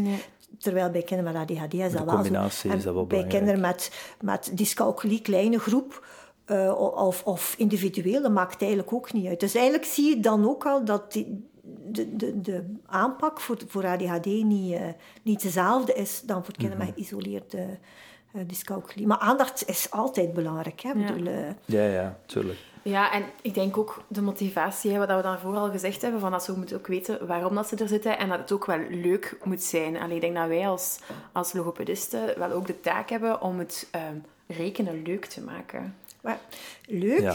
maar het moet vooral ook betekenisvol zijn. Mhm. het moet, kinderen komen eigenlijk niet, niet, geen plezierige dingen doen bij jou. Ze, ze komen bijleren Mhm. voor, voor iets wat ze later nodig hebben. Dus ze gaan moeten, je gaan moeten inzetten op autonome motivatie en uitleggen van dit heb je, van wat, wat moet je later doen? Ah, later ga ik dat en dat en dat moeten doen. Dus ik ga dat moeten kunnen, dat, met, met hulpmiddelen en zonder hulpmiddelen. Dus inzetten op autonome motivatie is superbelangrijk. En hoe kun je dat doen? Door kinderen keuzes te geven. Van, oké, waar gaan we nu mee beginnen? Met dat of met dat? Hè? Ja. Of door, door zinspraak te geven. Uiteindelijk is, is therapie een stukje... eh, onderhandelen met kinderen van hoe gaan we het aanbrengen. Van dat, dat is wat we gaan leren. Van, laten we nu een keer samen kijken hoe dat we dat eh, aanbrengen, die basis. Want het gaat om, om de basis Ja, en dat is ja. niet altijd het meest attractieve. Maar ik denk ook wel dat er echt nog allee, voor kinderen een groot verschil is tussen in, in spelvorm iets leren of met een, eh, een blaadje dat je voor je neus krijgt. geduwd. Ja, ik vind dat ook. Dus eh, dan gaan we toch wel naadloos over naar, eh, naar dat, allee, het feit dat deze aflevering ook wel gesponsord wordt door eh Emily van de Speelbode. Ja, we werken samen met Emilie van de Speelbode. Ehm, we hebben daar in een vorige aflevering ook al eens mee samengewerkt. En ehm zegt Tom, speelt jij eigenlijk graag spelletjes? Ja, ik weet. ehm, ben daar niet zo wild van, hoewel dat ik... Ik ben nooit echt naar de logo geweest vroeger, voor dergelijke zaken. Maar moest het in spelvorm zijn, had ik het sowieso veel plezanter Ja, gevonden zo- als een blaadje voor mijn neus. Emilie heeft ons ook een spelletje meegegeven hè? Yes. eh, toen dat zij te gast was. En dat was dan de Piratenschat. En ehm, dat was, eh, ik vind dat echt een heel waardevol spel. Ehm, ik heb dat sinds dat ze dat heeft gegeven ook wel al verschillende keren gespeeld. Er is nu ook een uitbreiding van. Dat is hoofdrekenen tot 100 en dan de uitbreiding tot 1000. En het voordeel is dat zij dat dus eigenlijk zelf gemaakt heeft. En dat zij dus ervoor zorgt dat, dat je al die kaarten ehm, individueel kan gaan selecteren. Dus als je merkt van een kind kan ehm, die bepaalde type oefening nog niet en ik wil echt daarop gaan oefenen, kan ik kunnen al die kaarten daaruit halen en daar dat spel mee spelen. Wat dat een heel groot verschil is met andere spelletjes die daar op de markt zijn, waarbij dat alles door elkaar is en dat je heel Ja. moeilijk kan zien van oké, wat voor een oefening is dat? En dus ehm, dat is echt wel een heel grote meerwaarde. En het spelletje is zelf ook wel echt kei tof. Zo niet te groot, want dat hebben we ook toen gezegd, dat moet niet... Ja, ik weet het. We hebben dat samen Ja. toen eens bekeken, dat spel. En dat was Ja. inderdaad eigenlijk wel tof om te doen. Ja, ja, ja. Dat is zo, er zit een spelelement in, maar er wordt ook wel heel veel geoefend. En uiteindelijk kunnen die kinderen dan zelf ook ehm, gaan aangeven van oké, dat vind ik moeilijk, daar wil ik echt nog eventjes verder Dat is ook belangrijk, hè? daar, daar hadden we het daar net ook over. Hè? Ja, en niet alleen maar de Piratenschat heeft zo in haar webshop, maar ook ehm, dingen voor voorbereidende rekenvaardigheden, tellen en ook Ja. andere spelletjes. Daarbij geeft ze dan tips van hoe dat je dat dan kan Ah, inzetten. wel, het is gemakkelijk dat, dat ze zelf ook wel erbij aangeeft hoe en op welke manier je het kunt inzetten Ja. in, in je therapie. Hè? En dat gaat ze dus nu ook alweer doen. Dus we gaan ook daar ook Yes. een paar posts eh, van Ja. op Instagram zetten, die dat je dan kan bekijken. En dan geeft ze dus een overzicht van welk materiaal dat ze in haar webshop heeft en hoe dat je die dan eigenlijk heel kwalitatief kunt inzetten in je therapie. Dus ehm, Ja. Ja. Dus bekijk zeker al eens de, de website van de speelbode zelf. Ja, want ze, ze heeft dat ook echt super mooi onderverdeeld in zo Ja. voorbereidende rekenvaardigheden, eh, hoofdrekenen, ehm, metend rekenen en al die ehm, dingen. Ja, dat is echt heel interessant. Voilà. Een schat van spelletjes. Voilà, kijk eens aan. mooi, mooi afgerond. nu, om zo nog eens even eh, naar, ik- naar de therapie zelf... Of jij wou nog iets zeggen? Nee, nee, ik vind wat dat jij gezegd hebt, het belangrijkste wat ik daarvan vind, is dat je kiest voor kinderen. Dat je niet zomaar een spel doet, maar dat je oefeningen kiest en dat je die leuk aanbiedt. Dat Ja. is eigenlijk therapie Ja, geven. ja. Hè? Dus niet zomaar een spel doen, maar dat je Nee. zegt van ik ga dit, ik ga oefenen tot, tot 20, tot Ja. 100, met brug, zonder brug. En als je dat kan, dat, dat is heel Dat is- belangrijk in dat het is- spel. Dat is echt het, het grote verschil. Dan kom ik, eh, komt een kind binnen, ik ga een spel uit mijn kast nemen en dat gaan we gaan spelen. Nee, je moet echt binnen je therapieopbouw de spelletjes daarvoor gaan kiezen en niet omgekeerd. Nee, Van, nee, eh, dat kind wil graag dat spelletje spelen, maar als het niet aan bod komt in je, in uw opbouw, ja, dan is het niet dat spel. Dan doe je iets anders. Hè. Ja. Kijk, Annemie is ook van. Ja, ja, maar ik ben absoluut van, het moet leuk zijn. Hè? Je, Ja. moet, je moet tijd nemen om ervaringen op een leuke manier te doen, maar ook te verwoorden wat ze aan het doen zijn. Ja. En vooral te selecteren van die oefeningen aan te bieden. Ja. Maar zeker, kinderen moeten dat tof vinden. Ja, dat is ja, ja. absoluut waardevol. Absoluut. En dat is het ding met die paratenschat. Ik ben er echt zelf echt fan van, gewoon omdat je dat kunt gaan, Ja. gaan, eh, gaan kiezen. En dat is echt heel goed. Maar dat is wat we nodig hebben. Ja, ja, en ja, het is ook gewoon handig hè, dat je dat gewoon kunt kopen en dat je dat niet meer zelf moet gaan knippen en plakken en toestanden. Ja, Ja, je staat ermee op en je gaat ermee slapen en recht. Precies. ik ben gewoon enthousiast.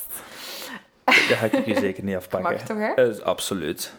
Ehm, ik wou eens even kijken naar... Allez, ehm, binnen therapie zelf, en dat is nu misschien iets, dat is iets, een heel algemene vraag, zijn er zo bepaalde methodes dat, dat je weet dat op dag van vandaag nog gebruikt worden, maar dat eigenlijk al een beetje zijn nagestreefd, of dat niet meer zo up-to-date zijn? Goh, ik, dat is een moeilijke, denk ik. Ik denk dat er een aantal principes zijn waar evidentie voor is. Dat direct instructie superbelangrijk is, in kleine groepjes. Dat er zo'n aantal, bijvoorbeeld in het laatste boek, want ik bedoel, corona is, een, is een, iets vreselijks. hè. Maar in, eh, in 2021 zijn er twee zeer goede boeken verschenen over dyscalculie van professor eh Ruisenaars met collega's. Hè, eh, handboek dyscalculie en rekenproblemen. En daar staan bijvoorbeeld alle therapieprincipes in. En dan heeft hij samen met zijn mevrouw, dat is ook wat tof, hè? Ja. ze- dat zijn twee orthopedagogen, ook nog een ander boek eh, geschreven. En daar staan eigenlijk in van wat, wat moet je doen hier, en van welke principes zijn, waar is evidentie voor. Dus ze hebben dat eigenlijk mooi gebundeld. Ik zal die eh, linken naar die boeken ook in de show notes Ah, zetten. super. Dat ja. is echt... allee, Ja. dat, is, dat is een... Ik, ik kan dat niet... Het is zeer recent en het, Ja. het is een zeer mooi overzicht van alle principes waar evidentie voor is eh, om, om mee te werken. We weten bijvoorbeeld dat... Ja, eh, gekleurde brilglazen, dat dat niet werkt. eh, dat er een aantal zaken niet werken. Ehm, maar ja, het is moeilijk om die, om die zomaar eh, nee, nee, nee, op, natuurlijk. te- op te sommen. Ik weet wel zo in, eh, in de scholen dat er vaak wordt gewerkt met van die koptelefoons voor kinderen. Om zo eigenlijk een beetje prikkelarme omgeving aan te bieden. Is daar eigenlijk veel evidentie rond? Want ik merk dat misschien... Ik stond in een klas en de helft van die klas heeft zo'n koptelefoon. De- ik meer voor aandacht, denk Ja. ik. Hè? Ja, Uiteindelijk, als je iets niet geautomatiseerd hebt, dan is het goed dat er niet te veel andere dingen zijn. Hè? Dus dat, dat je alleen kunt focussen op wat je nodig bent, of dat je dan heel de tijd met zo'n koptelefoon moet opzetten, dat lijkt mij... Dat is per kind, denk ik Ja. ook. Want allee, ehm, mijn dochter die, is- die is maar een derde kleuterklas, maar die haalt zelf haar... ehm, we hebben zo van die gehoorbeschermers eh, uit haar karretje, haar knutselkarretje. Ze zet dat op als haar broer te veel lawaai maakt. En omdat zij aan het kleuren is, dan zegt ik kan mij niet concentreren. En kleuren en tekenen, dat is voor haar ja, een even grote opgave waarschijnlijk als oefeningen maken, omdat ze zich zo wil concentreren op wat dat ze bezig is.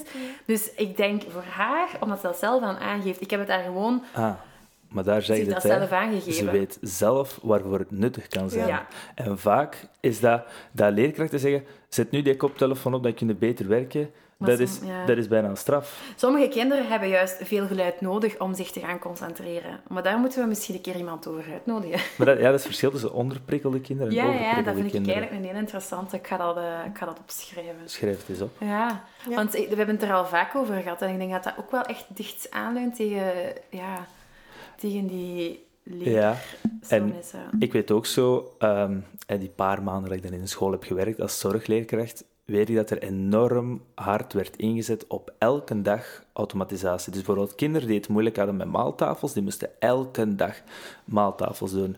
Nu, mijn kennis daar rond is, is helemaal niet zo groot, maar ik wou wel even vragen, in hoeverre blijft je dat doen? Wanneer laat je dat doel gewoon los? Ik denk dat het niet veel kwaad kan om eh, geregeld die tafels te oefenen. Ehm, omdat we niet weten. Hè. Er zijn echt kinderen die tafelkampioen worden. En je weet dan niet op voorhand wie dat wel zal zijn en wie dat niet zal zijn. Meestal is dat niet zo. Maar tot vierde leerjaar, to- toch, maar niet veel. Hè. Zo vijf minuutjes, dat is zo- we hebben allemaal schuifjes. En dat je dat dan weer in het bovenste schuifje steekt, is daar niets mis mee. Dat zakt wel weer van het schuifje. Maar je mag er vooral niet je tanden op kapot bijten. En dan als kinderen het af en toe een keer doen, dan kan dat niet veel kwaad. In het zesde leerjaar, denk ik, is dat nu niet zo zinvol niet meer. Dan kun je beter zakrekenmachine gebruiken of tafelkaart gebruiken. Dus tot vierde leerjaar, waarin dat, dat is dat misschien nog niet zo slecht om dat te doen. Maar je weet dat een aantal kinderen dat nooit gaan kunnen, maar een aantal wel. Zoals die ingenieur zegt, Ja. ik heb de strijd met het hoofdrekenen opgegeven. Maar ja, ik ga die tafels nooit kunnen. Nee, dat is jammer, ja. maar dat is zo. Maar ik weet inderdaad dat er wel... Dat was elke dag dat die kinderen op de deur ook zoiets hadden van... pff, weer tafels en, het- en dat gaat dan weer niet goed gaan. Ah ja, Maar En dan begin op je- het moment van dan het aanleren is dat wel belangrijk. Ja. Hè? Ja, maar ik stond in het vijfde, zesde leerjaar. Hè? Ah, ja, oké. Maar vijfde, zesde leerjaar is misschien... Maar, Maar herhaling is toch ook wel... Allee, ja, ja. Maar ik weet dat ik als- tijdens als mijn stage even mijn tafels moest opfressen, omdat ik die dus gewoon bijna allemaal vergeten Ja, ja, was. Ja, maar ze waren wel ooit geautomatiseerd. Hè? ja, ja, ja, ja. Dat is een groot verschil met je kunt ze niet automatiseren en inderdaad de tanden daarop kapot bijten en dat dat gewoon leidt tot frustratie bij de kinderen. ja, ja, dat, is, dat is ook weer een, ja, de, de grens naar frustratie. Het moet leuk blijven. Kinderen moeten zeggen, yes, we gaan een keer oefenen. dat, moet, dat moet je blijven hebben. Eh, en zeker ja, vanaf het vijfde kun je vragen stellen, maar het vierde leerjaar, ik, ze hebben dat voortdurend nodig. Hè. Als je moet cijferen, Ja, ja. eh, moet je wel een aantal zaken uit het hoofd kennen. En weet, een aantal kinderen gaan dat nooit kunnen. En dan moet je ze gewoon... Ze, ze gaan ze kunnen op, op eh, inzicht. Hè. Het is, het gaat geen, ze kunnen ze berekenen, maar niet op tempo. Ah, en dat is wat ik moet Dus, loslaten. ja. Maar dat is ook... ehm, ik oefen zelf geen tafels in de therapie. Ik vind dat dat dan eigenlijk een taak is voor, voor thuis.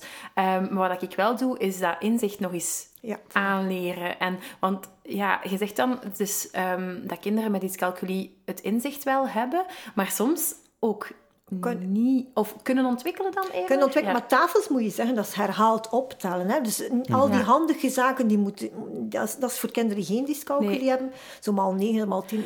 Ja, maar dat gewoon is Dat is is herhaald hè. optellen. Maar Ja. dat moeten ze hebben. Dan moeten Ja. ze eigenlijk weten, wat is vermenigvuldiging. En af en toe moet je dat ook weer, weer herhalen. Ja, ja, ja. Ook, ook teller, noemer, uh, quotiëntbreuk. Ja. eh, allee, eh, wat, wat zit boven de breuk? Is dat vermenigvuldigen quotient? Ah, nee, nee. Of dat, dat is Ja. product. Zo, al die rekentaal, dat, Ja. dat moet je af en toe weer opfrissen. En, en leren een boekje gebruiken, een opzoekboekje gebruiken. Mhm. En, ja, al wat je kunt aanleren is zinvol, maar weet dat je beperkt bent. Dat er daar een aantal zaken die in die hersenen anders verlopen dan bij andere kinderen. Mhm. En dat, dat we daar rekening gaan moeten mee houden. Maar dat doorzettertjes zijn, dat, dat, is, dat we... Ja, diversiteit in onze maatschappij is een gegeven en we moeten er Ja. Je hebt dan ook zo kinderen die dat drie maal zeven en ze weten het antwoord dan soms wel, maar ze weten niet. En dan zeg ik, wat is dat eigenlijk? Ah ja, dat moet... Drie maal zeven. En dan kijken ze zo. ehm, ja, drie maal zeven, hè. Ja. Ja. En dan denk ik, ja, wat, betekent dat? Ja. Wat, wat, allee, hoe, hoe moet ik dat zien? Hoe kom je daaraan, aan die 21? Ah ja, dat is gewoon de tafel. En ja, nee, het zijn drie vazen. Met elk zeven bloemen. En dan, ja... Maar dat is belangrijk. En dat Ja. is iets waar je met dyscalculie wel... Dus op inzicht. Dus, en dat is iets wat ze wel... Dat hebben ze nodig. Hè. Dus eh, tafels zijn herhaald optellen. Dus die dingen eh, moet je wel een stuk aanbrengen. Dat is ook met breuken zo, hè. Ja. Wat is een breuk? Ja, dat wil het er eigenlijk zo een breuk nemen van een getal. Zo, dat is hè, dus drie vierde van, van twaalf of zo. En dan, ja, nee, hè, en dan weten ze, in een opzoekboekje weten ze dan, ah, dat is dan hè, gedeeld door en dan maal.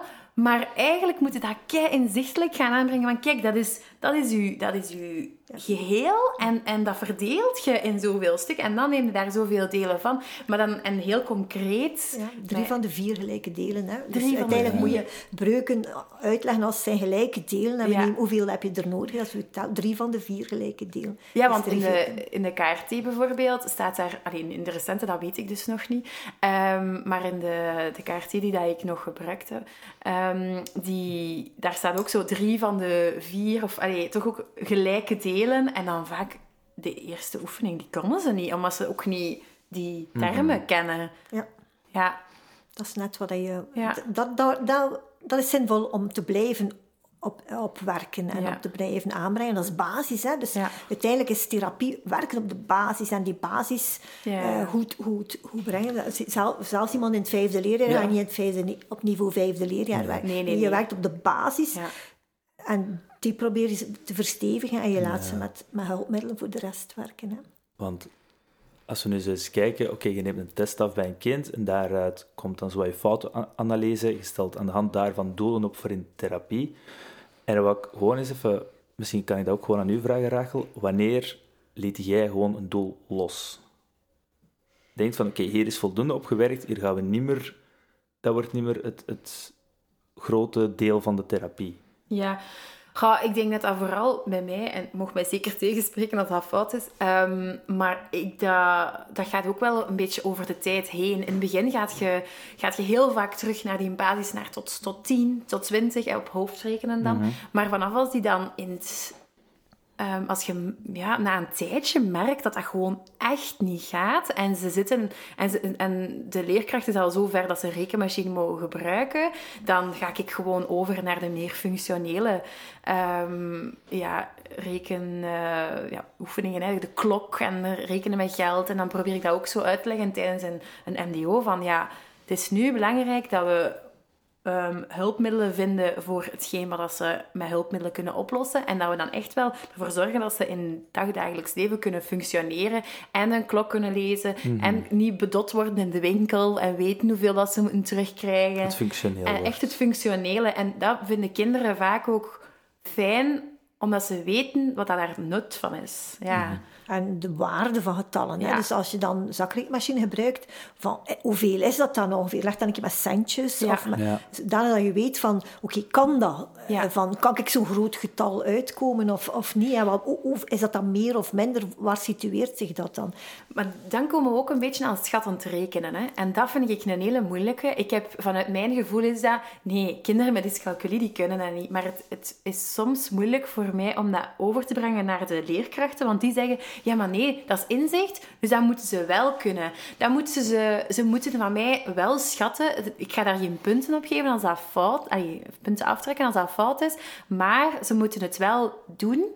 Ehm, want dat is inzicht en ze moeten... Dus hoe, zou ik dat, hoe kan ik dat in godsnaam uitleggen? Schattend rekenen moet je niet doen met kinderen met dyscalculie. Dat is ook niet wat ik be- bedoelde. Ik bedoelde van drie, eh, of 225, dat zijn hoeveel eenheden, hoeveel tientallen. Ja. Dus niet, niet schatten van dat ligt dichtst bij. Ja. Dat is iets wat dat, dat is net eh, in, in die, in die eh, eh, interparietale zoekers waar dat, waar dat dingen fout gaan. Dus kinderen met dyscalculie kunnen niet schatten. Je kunt ze beter twee keer exact laten rekenen. Dus als je een zakrekenmachine gebruikt, ze twee Ja. keer laten rekenen. Ja. En als je twee keer juist eh, hetzelfde uitkomt, dan ben je al meer zeker. En nadenken van in welke grootte is dat? Zijn dat bij de honderdtal? Is dat nu bij de duizendtal? Zo, niet schatten, maar wel de waarde van getallen ongeveer situeren. eh, van weten van... eh, maar, maar niet schatten, dat is, dat is zeker niet... geen We idee. weten dat als je 385 plus 695 en je komt daar 10 uit, dat dat niet Dat kan. dat niet kan.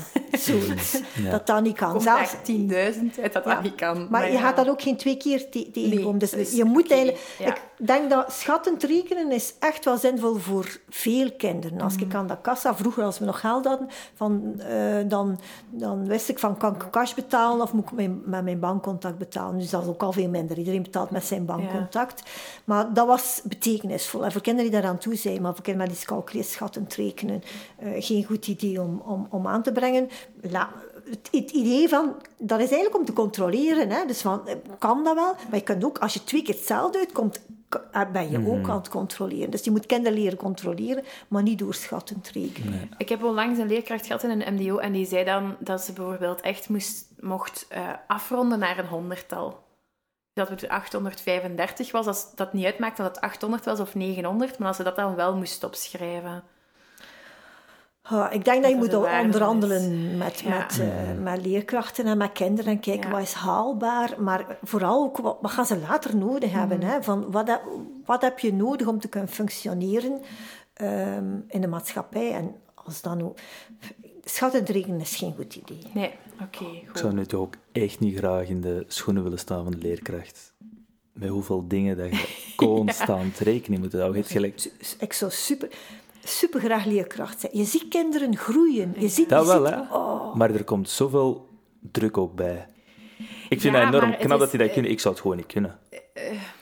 Ik zou de nood voelen om elk individueel kind te gaan helpen. En ik denk dat je dat als leerkracht een beetje moet loslaten, omdat er zoveel zitten. En dat je dan niet echt gewoon met elk kind individueel aan de slag kunt. Ik weet dat niet, het kan zeker fout zijn. Ehm, maar het is wel boeiend, hè. Het maakt toch de mensen veel boeiender. Allee, het Maar is... ik heb niet gezegd dat het niet boeiend is. Ja, ja, ja. Ja, maar het is, Ja, het is een, het is een moeilijke taak. Maar wel, ah, leer, leerkrachten kunnen kinderen maken en kraken. Hè. Ze zijn superbelangrijk. Zo dus dat is zo... allee, als je kinderen, ook, ook zelfs volwassenen... Het zijn altijd een aantal leerkrachten waar dat ze nog aan denken. Ja. En dat waren diegenen die, die, die Mhm. Voor hen zo. het verschil maakten. En ook een aantal therapeuten. Hè. Ik bedoel, dat ze Ja. zeggen van... Bij die kon ik het. En die heeft eigenlijk gemaakt dat ik, eh, dat ik verder in mijn leven eh, kon. Dus dat is wel superbelangrijk. Weet- ja, het was meer van... Ik zou het... Ja. Het is zou echt niks voor mij zijn, maar Nee. ook omdat ik... Ik heb er aan een tijd, ik heb er aan een Ja. tijd gezien. En dan weet ik dat er zo heel veel wordt gezegd, ook aan de leerkrachten een burn-out hebben. Ja, Die ja, werken maar van, hè, van wat is het, 8 tot 4. Maar dan denk ik, oh ja, die kunnen dat echt wel hebben. Want er komt veel meer bij kijken. Ja, ja, ja. ja, dat is waar. En ouders zijn zeer eisend. Ja, Ja. ja. die verwachten wel dat uw kind... Dat is ook iets dat je ook moet kunnen uitleggen aan een ouder als je een doel loslaat. Hè. Ja, dat zijn ook wel de eerste dat daar vaak heel... eh, Het is daarom dat ik dat wel echt nog altijd heel fijn vind om op oudere leeftijd de ouders erbij te hebben. Omdat die echt, ja... Ja. Maar weet je, en bij dyscalculie zie je vaak, niet altijd, maar soms, van, ik, ik heb al een paar keer eh, kinderen gehad met dyscalculie, waar dat de mama of de papa zegt van, ik denk dat ik dat ook heb. Ja, ik bedoel, ja, eh, ja. ik herken mij, heel Ja. dat verhaal herken ik zo in mijn zoon of mijn dochter. En dan, dan zal dat wel waar zijn. Hè. Je kunt dat dan, er zijn wat tests om dat af te nemen, maar dat is nu misschien niet belangrijk, zij dat ze dat echt willen. Maar je, allee, ze, ze maken weer mee bij hun kinderen wat dat ze Ja. zelf meegemaakt hebben. Hè. Ja, maar even goede ouders dat er inderdaad heel, heel anders op kunnen reageren. Dat het, Oké, dat het oké. misschien niet snappen waarom dat Nee, je maar dat en daarom is het juist waardevol om die dan in de therapie te hebben, omdat ze dan zien van, oké, kijk, dit is de moeite dat mijn kind in, dat, in, in, Ja. in, die, ja, in dat rekenen steekt. Het is het werk dat hij doet. En die zit niet om met zijn vingers te draaien of niet op te letten of zo. Nee, die doet echt keihard zijn of haar best en nog lukt het niet. En dat is Mhm. heel belangrijk om te weten als ouder, denk ik, van oké, kijk, het, het is niet omdat ze lui zijn of omdat ze dom zijn, maar het is echt omdat het... Nee, nee, nee. Ja, we- weet je, wij hebben ook een onderzoek gedaan eh, eh, naar het leren in coronatijd. En een aantal ouders zeiden, ik ben blij dat ik met dat huiswerk en met die kinderen bezig allee, gezien heb. Van, ik zie nu hoeveel moeite Ja. dat mijn kind heeft door dat eigenlijk dat, eh, zelf te, te- mee te maken. Allee, en dus veel ouders hebben door corona en dat, dat ze thuisonderwijs kregen, veel beter zicht nog op, Ja, op het, het probleem die kinderen hebben. En dat is een van de weinige voordelen. Toch nog iets positiefs. Ja, ja. Het zijn een aantal positieve dingen. En ehm, Zijn er zo, want je staat al heel lang in het vak, bepaalde, ik wil nu niet zeggen een trend, maar een, een verschuiving dat je ziet van bijvoorbeeld problemen die vroeger er meer waren of net minder? Bijvoorbeeld, ik denk bijvoorbeeld kloklezen. Ja, dat is, Was dat vroeger... Want ik merk dat dat nu echt wel enorm moeilijk is. Maar- bij veel kinderen. Ja, ja, ja. Maar nu, doordat school lang gesloten is, ik denk dat je dat echt in de klas moet aangeleerd krijgen, kloklezen. En dat kinderen heel veel aan de computer eh, nog les gekregen hebben. Er zijn heel veel kinderen die dat niet kunnen. Nu, in ons leerplan zit dat ook moeilijk. Hè. Nu ze hebben dat een beetje verschoven. Maar bij kloklezen, dat- de, de analoge klok, is, is eigenlijk niet zo makkelijk. Hè. Je moet de draairichting Nee, kennen, je moet weten grote, kleine wijn. En bij kinderen met dyscalculie hebben ze heel vaak problemen met die analoge klok, vooral. Ja. Er zijn ook kinderen die dat wel nog kunnen, maar de meeste kinderen kunnen beter digitaal klok lezen dan analoog klok lezen. Omdat je dan die draairichting niet meer hebt en eh, dat je eigenlijk vanaf dat je tot 20 kunt, eh ja, iets meer dan 20 tot 30 kunt, kunt eigenlijk... eh, ja, nee, het is... eh, nog hebt meer, hè. Ik bedoel, je moet, moet tot 100 kunnen. eh, maar de digitale klok is veel makkelijker aan te leren dan de analoge klok. Niet bij allemaal, want dat is ook... Weet je, dat is het lastige van dyscalculie. Er bestaat niet zo één methode die bij alle kinderen eh, werkt. Nee, maar de nee, nee. meeste kinderen... eh, Ik heb bijvoorbeeld één kindje met dyscalculie, zeer zware dyscalculie, die echt geen klok kon leren.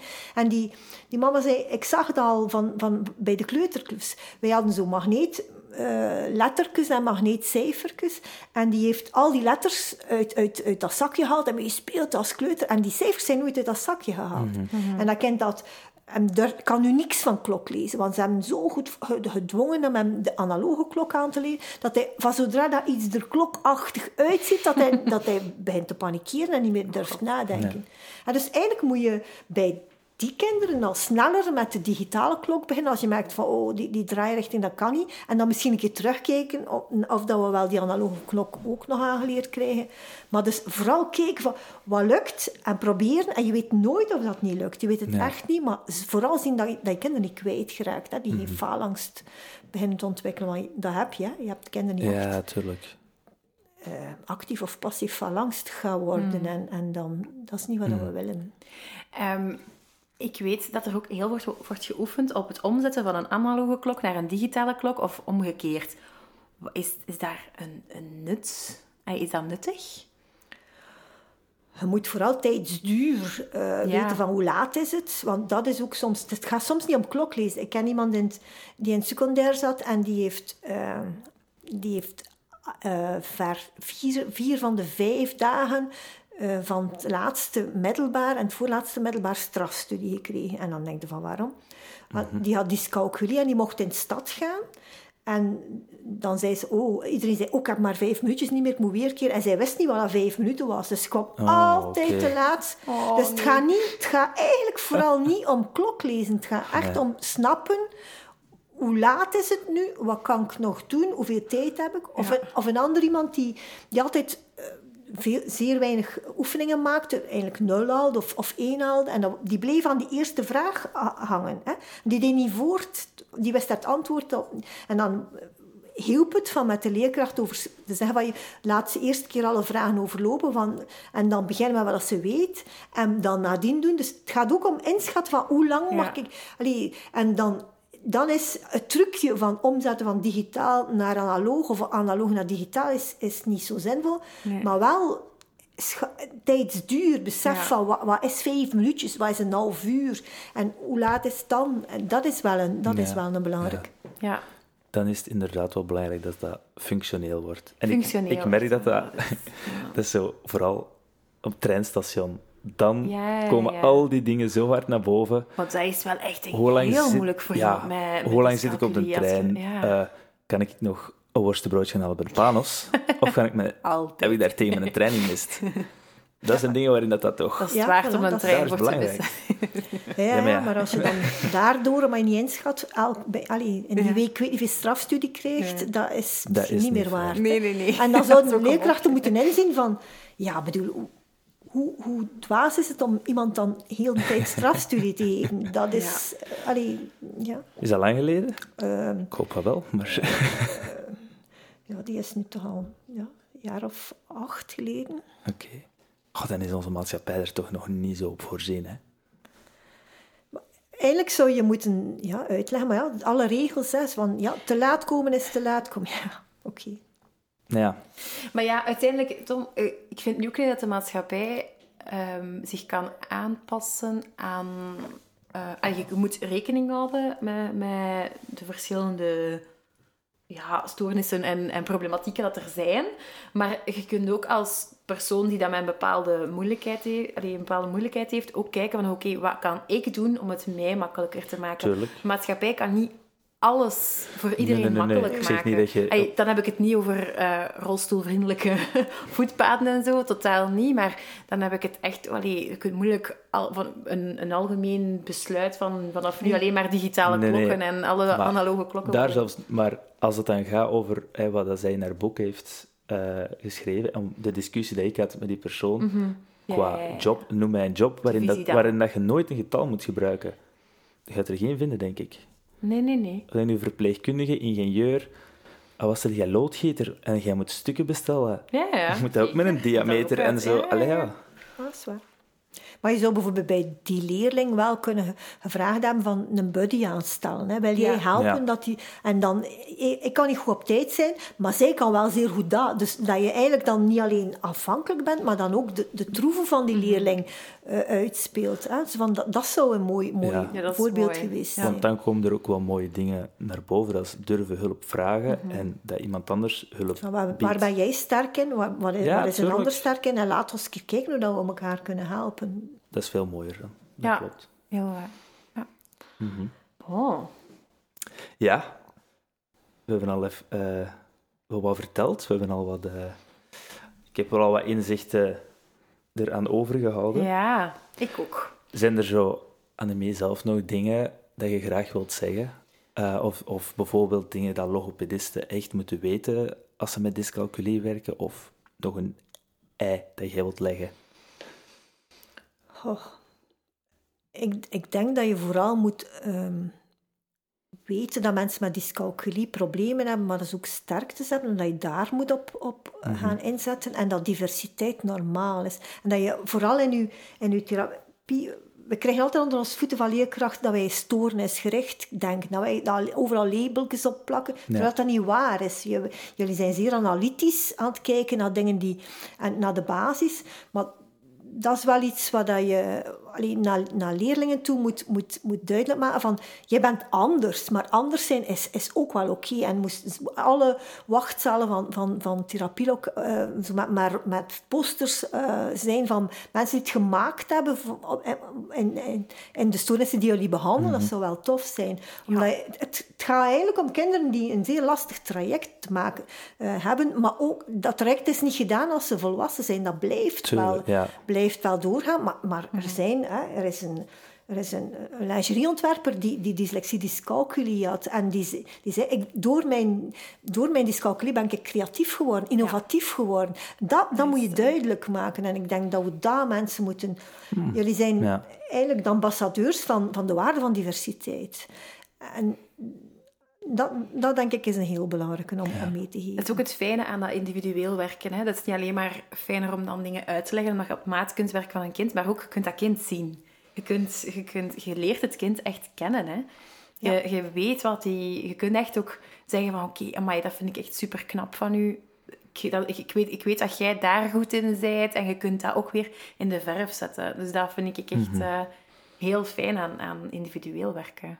Dat is waar, klopt. En geen huiswerkbegeleiding. Ik denk dat huiswerkbegeleiding dat, dat, zin, dat, dat zinvol is, maar niet, Zeker. Maar niet dat dat geen therapie is. Ik bedoel dat dat uh, echt niet, uh, niet de bedoeling is. Maar ik denk dat we die boodschap wel een paar keer... Uh, ja, en geen huiswerkbegeleiding. Daar moeten we toch af en toe nog wel mee worstelen. Ja, ik denk, ik denk, hoe kun je ervoor zorgen dat je geen huiswerkbegeleiding geeft? En dat is echt op niveau van het gaan kijken, oké, wat is het niveau van het kind? En echt durven zoveel een Ja, groot je- verschil te maken. Allee, du- durven Ja. naar 20 te gaan of naar 10 te gaan, als ze tot, tot 10.000 in de Maar ze mogen, zitten. je Allee. mag zelfs 10.000 en 20, je kunt oefenen met grote getallen op wat dat jij bezig Tuurlijk, bent, maar je moet ja. weten waar dat je mee bezig bent. Ja. En huiswerkbegeleiding, sommige kinderen hebben dat misschien ook nodig, maar dat is niet terugbetaalbare therapie. Nee, nee, Dus dat moet, je, dat moet je loslaten. Dus Ja. ik, denk, ik zeg niet dat huiswerkbegeleiding niet nodig is, Maar maar, is- niet, niet binnen de terugbetaalbare therapie. Dat kan niet. Nee. En ik denk dat we daarin, maar dat is een beetje de rode draad, eh, doorheen al onze afleveringen, ook wel wat sterk, allez, steviger in onze schoenen moeten Ja. staan. Want je hebt evengoed kinderen dat met een boek van school komen zeggen ons mama heeft gezegd dat dat mijn huiswerk is en dat we dat gaan doen vandaag. Dan is dat heel moeilijk om als therapeut te zeggen, maar dat gaan we niet doen. Ja, Maar het is wel kei belangrijk, want dat is de waarde van want ons. dan zet je, als je dat aanneemt, zet je wel huiswerkbegeleiding Ja, aan het ja. geven. Maar je mag dat doen, hè? maar je mag dat niet terugbetaalbaar eh, doen. Ja. Ik denk Ja, dat daar niets mis mee is, maar dan ben je geen ook. therapie aan het geven op dat. En je mag dat rustig voor mijn part doen, maar dat is niet wat, het, wat, dat- wat de mutualiteit mag terugbetalen. Mhm. Dus het is een beetje... Dat, en dat is geen therapie geven. Dus dat is, is iets dat, wat dat... Maar wat, je, wat je wel kunt doen, is als ze bezig zijn met breuken in de klas, dat jij gaat kijken, oké, wat is wat begrijpt die, wat, wat, wat is het niveau van, Tuurlijk. van dat kind voor breuken, en gaat daar terug. En dan zijn je uiteindelijk ook bezig met wat ze in de klas aan het doen zijn, maar misschien nog niet op het niveau dat zij bezig zijn in de klas, maar dan zijt je wel... Dat is wat ik dan wel soms doe. Ja. Dat ze zeggen van, "Ha, eh, het is breuk en ik begrijp er echt niks van en ik weet het niet. Dan, dan eh, gaan wij gewoon terug naar de basis. Of ik heb leerkrachten die dat zeggen, dit is, zijn mijn ehm, inhouden, allee, dit is de lessen dat ik nu ga geven de komende weken. Daarop ga ik oefenen. Ik vind dat heel waardevol om te weten dat ik weet, oké, ik moet gaan teruggaan naar de basis van die... eh, en ja, inderdaad, soms pre-teaching pre-teaching doen. Ja, maar, dat is, maar dat is belangrijk. En ook als je die huiswerk, dat huiswerk ziet, zie je zeggen, zie nu wel, dat en dat heb je nodig. En daar gaan wij nu op Voilà. oefenen. Ja. Dus dat is eigenlijk op die autonome motivatie eh, inzetten. Zeg van, jij moet dat kunnen, wel, dat, dat, daarvoor moet je dat kunnen. En dan ben je weer vertrokken. Ja. Tuurlijk. En dan zijn de therapie aan het het- Maar als dat zijn huiswerk ook niet af zijn. Nee, nee. Maar huiswerk Maar dat is ook niet de bedoeling, hè? Nee, nee, nee. Ja. Maar je kunt het, inder- je kunt het wel gebruiken om, om Om op, op die autonome motivatie in te zetten. Van, zie nu wel, dat moet jij kunnen. Dus we gaan daar een keer extra op oefenen. Ja. En dan is dat... En dan denk ik ook dat je soms de ouders teleurstelt op een bepaald moment. Dat het kind terugkomt en dan die zegt, oeh, uw huiswerk is niet gemaakt. Je bent ook bij de logo geweest. maar dat je dan werk hebt om de ouders te gaan uitleggen Ja. wat dat er juist uh, bedoelde Oh, is. zegt gewoon dat er geen terugbetaling mogelijk is dan. Dan zal het niet meer... eh, Ja, maar dat is een beetje... Ja, ik denk dat Je het ook daar- normaal is. Hè. Bedoel, je moet uitleggen wat dat jouw vak is en wat, Ja. wat dat kinderen Ja. nodig hebben. Maar wel, van, kijk, dat, dat moeten ze kunnen. Dus dat, dat zit daaronder. En daar hebben we op geoefend. En de rest Ja. is niet echt... Dat is, geen, dat is niet terugbetaalbaar. En het is ook zo dat we ons beroep opwaarderen en de kwaliteit Ja, behouden, tuurlijk. vind ik. Ja. En kinderen helpen. Ja, Ja, Absoluut. voilà. Dat is mooi. En ouders opvoeden. En ouders opvoeden. kinderen Dat helpen en ouders opvoeden. dat Niet wordt de ouders helpen en kinderen Dat wordt de quote. Ouders opvoeden. En leerkrachten opvoeden. leerkrachten. dat is waar, maar dat is uiteindelijk... Hè, ja, dat is Ja. ook belangrijk. Hè? Ehm, wij sluiten eigenlijk altijd af met een, eh, een vraag. Wat is jouw favoriete logopedische term? Dyscalculie. ik weet het niet. Is er zo Diver- een diversiteit. Term? Diversiteit? Ja. Dat is een mooie. ja. Ik denk dat dat echt een belangrijke is. Hè. Wij, wij, en diversiteit is alles. Hè. Niet één iemand heeft lang haar, kort haar, blauwe ogen, maar ook, ook migrant achter. eh, heeft, kan, is goed in wiskunde, minder goed in wiskunde, echt zeer slecht in wiskunde. Die heeft dyscalculie. Dus ik denk diversiteit is, de, is, is een heel belangrijke term. Ehm, en, daar, en daar het voordeel, ik denk dat jullie moeten uitstralen dat diversiteit dat dat meerwaarde is, dat dat geen last is. Ja. Dat dat echt een meerwaarde is en dat we dat, dat, we dat nodig hebben. Hè. Ik bedoel, we vinden geen oplossing voor de Omicron-variant. Misschien hebben we atypische denkers nodig om een aantal mensen. Dus we hebben diversiteit en atypisch denken nodig. En de kinderen die zijn daar misschien de, de manier om... om, om die, die, Ja. die- Het is onze toekomst, hè. ja, ja, ja. ja. En hun toekomst, eh, ja, tuurlijk. Ja. Ja. Oké, goed. Merci, hè. Kijk, Graag gedaan. merci. Ja, ik vond het echt heel interessant. Ik vond het echt heel tof. Yes. Goed. Alright. Dankjewel, Annemie de Sutte. Graag gedaan. Goed. Ja, Ik vond dat echt kei boeiend. Dat was heel boeiend. ik vond het leuk dat, zo, ehm, dat we het eigenlijk hadden over ehm, de kracht en niet de stoornis. Nee, en daarom, dat, inderdaad, haar, haar logopedische term van diversiteit vind ik ook wel een heel mooie. Want hetgeen dat mij vooral... Er zijn heel veel dingen bijgebleven, maar vooral van dat boek dat ze heeft geschreven en hetgeen dat ik daarnet zei, van er is geen enkele job waarin dat Nee. er geen cijfers aan te pas Nee. komen. Ja, Dat bestaat niet. inderdaad. Wat is er zo Ehm, bijgebleven? Ha, ah, wel, wat ik eigenlijk net zei, dat dat een kracht is. Dat, we dat, ehm, dat je dat ook echt moet elke keer aan elke cliënt uitleggen wat dat is. En, en dat is, wordt zo vanzelfsprekend gevonden bij andere stoornissen. ehm, bij stotteren bijvoorbeeld. Hè, dat, dat is het eerste wat dat ik doe. Hè, is uitleggen wat dat, dat is. En daarom, Ja, ik vind dat ook, ook. keigoed om te horen dat je dat bij dyscalculie ook moet doen. Dat dat ook echt heel waardevol is. En dat dat niet gewoon ehm, verloren therapietijd is, maar dat dat echt basis is. Hè? Ja. Ja. ja. Oké, vond je dit nu ook interessant? Dan, ehm, eh, of niet, dat mag ook. Ehm, dan mocht je je luistermoment ook altijd delen via sociale media. En dan eh, mocht je ons taggen. Mhm. En dan heb je eeuwige roem op onze stories. Als eh wederdienst. Yes. Dankjewel voor het luisteren en tot de volgende keer. Dag!